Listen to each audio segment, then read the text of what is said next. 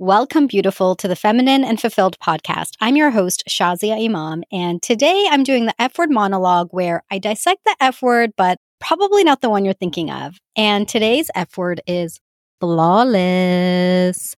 Oh my goodness. Of course, I'm thinking about Beyonce and all of her songs and being flawless.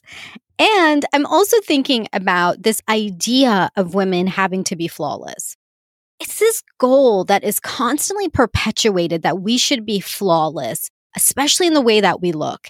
And so when it comes to our bodies, there's all this conversation about weight and diets and getting fit and what are you eating and counting calories and then our face and aging and good skin and good hair. I mean, it is all the things that we are conditioned since we are little girls to be thinking of because at some point are we trying to become flawless? I mean, I'm not even talking about internal things right now. I'm literally talking about superficial exterior things that I don't know when it could ever happen.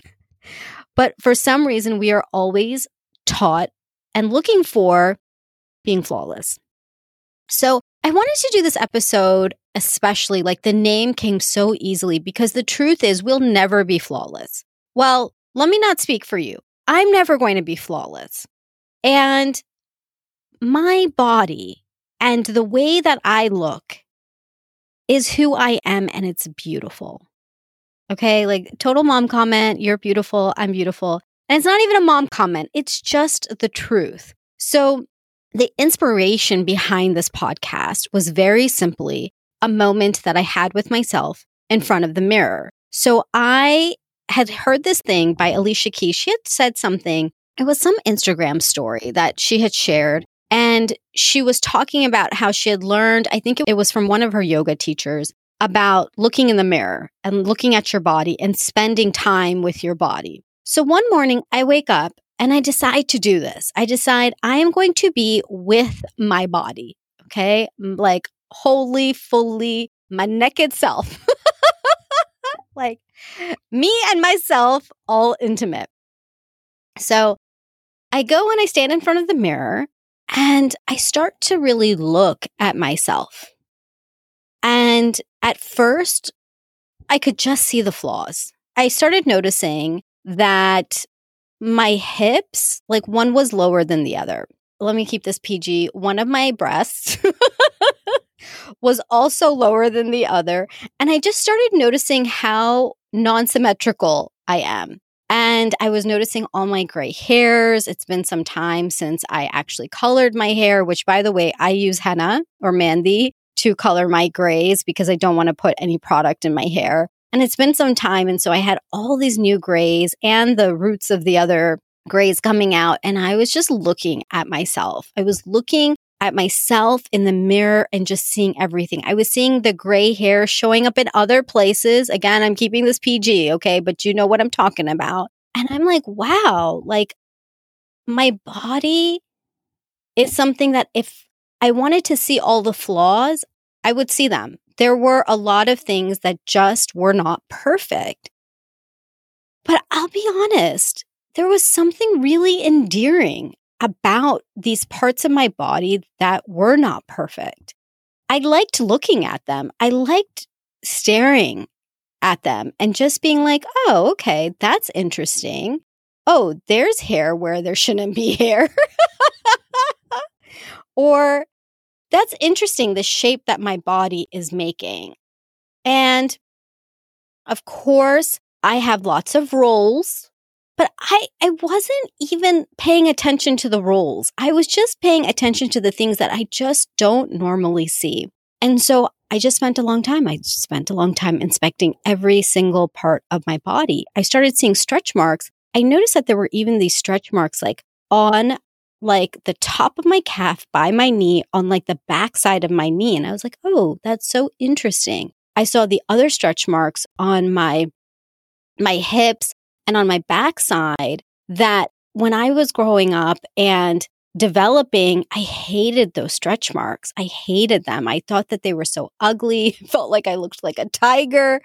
And it's funny because when I got married, my husband really likes them. So it changed my own perception of them too. So here I am, I'm looking at my stretch marks. I see some more stretch marks on my lower back. And I was like, how did I even get stretch marks there? It's just bone. But I just really was fascinated by my body, the markings, the non symmetry, the different shapes. There was even like this shape I noticed, almost like a triangular shape that I noticed on the side of my belly. Like one part was like rounded, like, you know, when you think of a woman's hourglass figure, one side was normal in terms of like it kind of rounded out, like to the hips. But then the other side, it was almost like it went in with a sharp edge and came out. I'm not sure if that really makes sense, but it's something I observed about my body. And so here I am, I'm staring at my body and I'm just starting to become fascinated. So at first, I'm noticing all the flaws. And then I'm just getting really fascinated that this is my body. And when's the last time that I just had time with myself? When's the last time that I looked so intimately at myself? And I'm curious, when's the last time that you did that for yourself, beautiful? I know that sometimes the body in the mirror exercise can be really uncomfortable for women. I actually teach this more in depth in my course, Your Rich, Bold, Beautiful Life. And one of the things that I know is that there may already be barriers or challenges to looking at yourself in the mirror. And I'm not here to tell you to go do this to break through that. It will naturally happen. It's more about the neutral observation of your body. That's what was really critical and key about what I'm sharing with you. I didn't go in to feel beautiful. I didn't go in thinking, I'm going to go look and I'm going to feel beautiful, nor did I go in and think, I'm just going to look at myself in a disparaging way. I just decided to look at myself, to observe myself, the same way that I might observe something in my house. You know, we spend so much time looking at all these other things, noticing things about other stuff. So, how about becoming intimate with our own selves? So, I continued to look at my body. And after some time, I was like, okay, let me take this a little bit deeper let me start to look at my body now in an inward way. So I can see the outward. I've observed. I've been fascinated. This is the body that the divine gave me.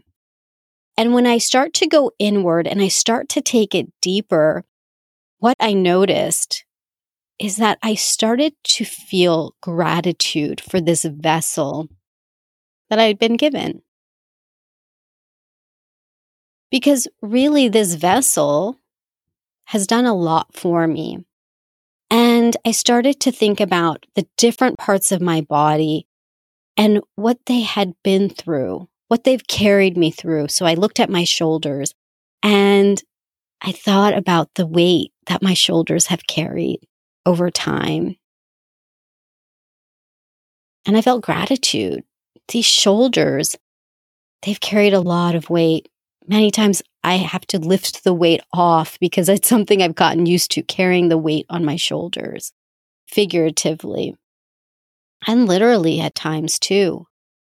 I started looking at my legs and looking at these limbs that have taken me to so many places. And I felt gratitude.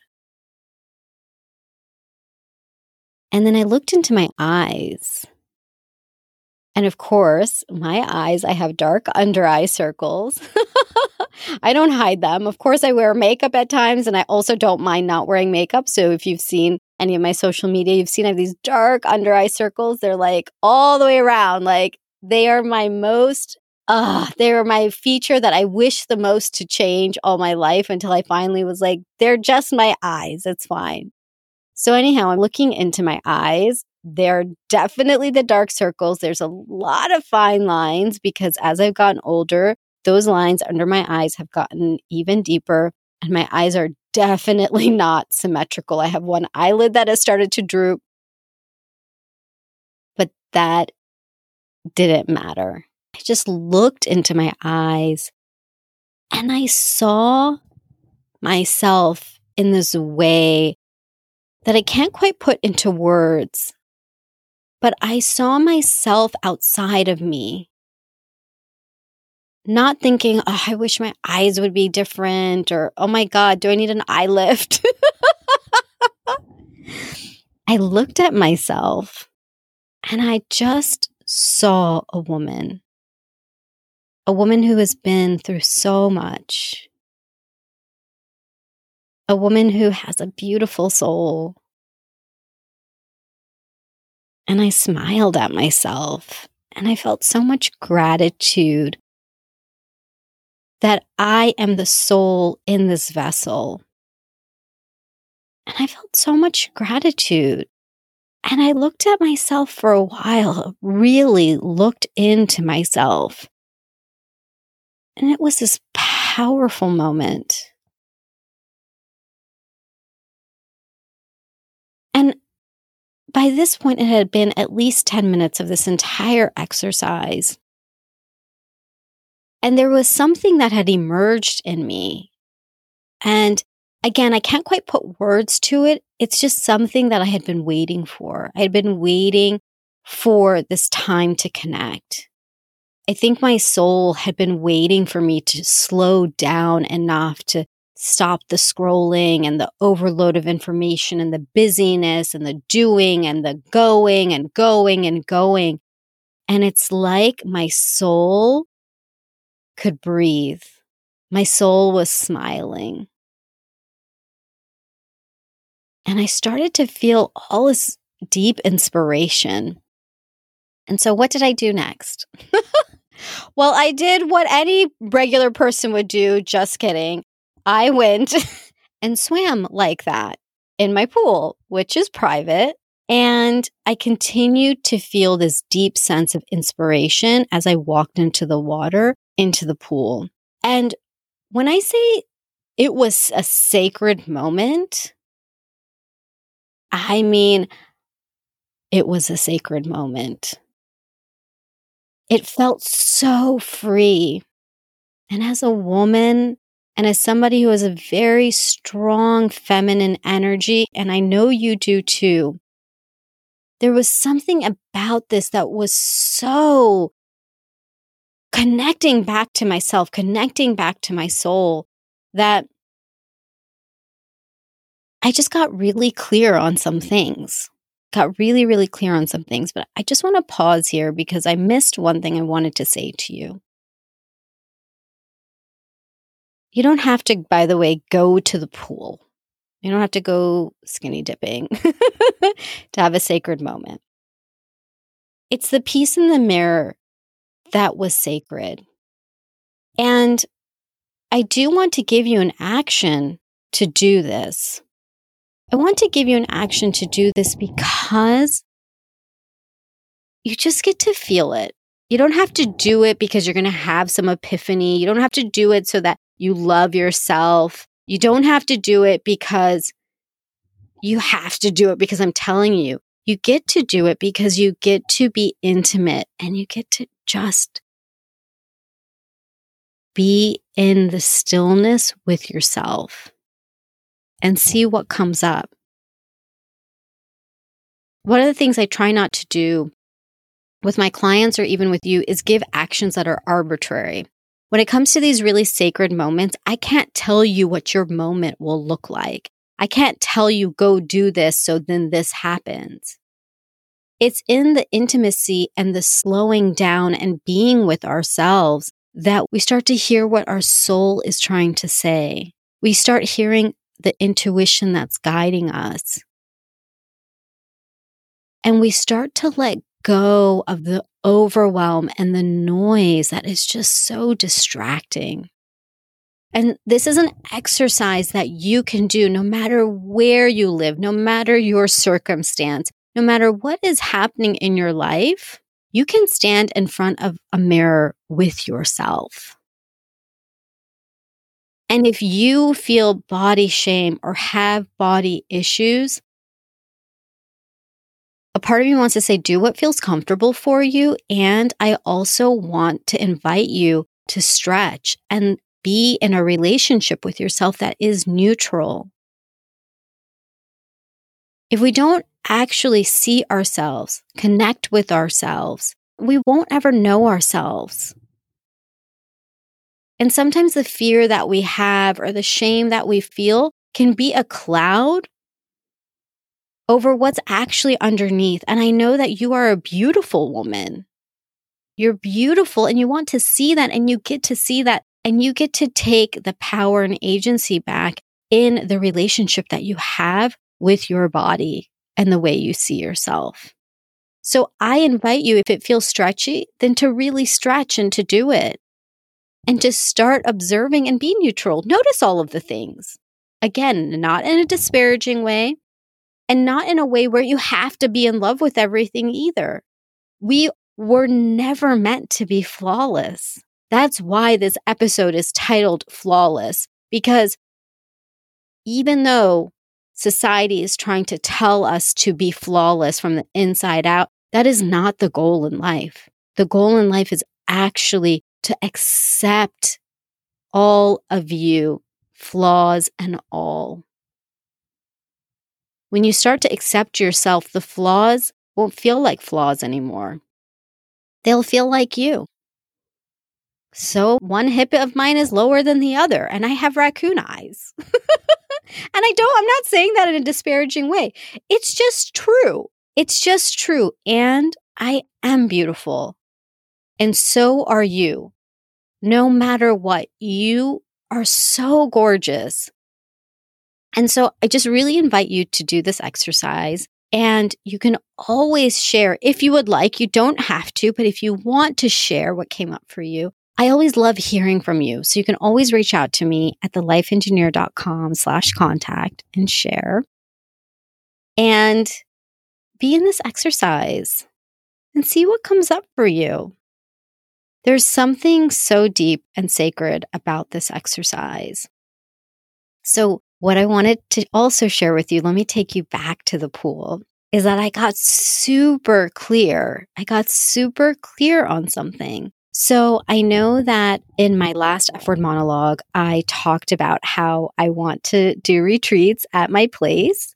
And I've been having these visions about retreats at my pool and at my place and having you over. And when I was in the water in this sacred moment, I literally got so clear that this is happening. There's really something magical about our home. And I don't know what it is. It's just what was meant. It was meant for us, us meaning you too, to, to really experience this sanctity of the feminine, this sacredness of who we are, of our beauty, of our purpose, of our greatness. And in a way that we're not going to learn by what society has taught. So the download came so strong that I will be having retreats. So if you aren't already connected with me outside of the podcast, I want you to make sure that you are connected with me. And the way to do that is I'm going to give you a gift so that you grab this gift and then you'll become a part of my community basically I have an email list and then that's where I send out any information about the things I do. So, for example, I talked about the course earlier. That's where you're really going to hear about things like that. I send out love letters, I send beautiful emails. And when I do my retreats, I want you to be the first to hear about it. And that's where I'm going to share. So, go to thelifeengineer.com slash dreams, grab my 100 dreams list. It's a beautiful gift for you to start dreaming and you'll come into the community and then you'll know when I do these retreats because I am going to be doing these retreats. Like it's just happening and you get to experience something sacred because every woman who is going to come to these retreats is going to experience exactly what she's meant to. And you are meant to experience something that you're meant to. So I just wanted to put that out there because it just was so clear to me that this is happening. And so that's the inspiration that came. That's what came for me to move forward. That's what came for me to keep walking in my purpose. And so if you've been really looking to connect to your purpose, if you've been really wanting to know what is my purpose in life, start connecting back to yourself. Do this mirror exercise. Take the time to listen. The greatest things in my life that have happened have come when I listened and I paid attention. And one of the biggest things has been this podcast. So if you're listening right now, it's literally because I got quiet and I listened and the download came to start a podcast. And so when you get quiet and you listen, beautiful, you will hear your intuition and your soul guiding you to the next step. And I don't know what it is, but it's going to be exactly perfect for you. And you're going to develop this beautiful relationship with yourself and with your creator. All of the things I'm talking about today, I know are much more esoteric, and that's okay. That's what's really important. We can do practical all the time, but it's in this esoteric space that the magic really comes to life. So I wanted to come on here and say that You're not flawless. I'm not flawless. and we're absolutely beautiful from the inside out, flaws and all. So until next time, beautiful Lilas, love you like a sister.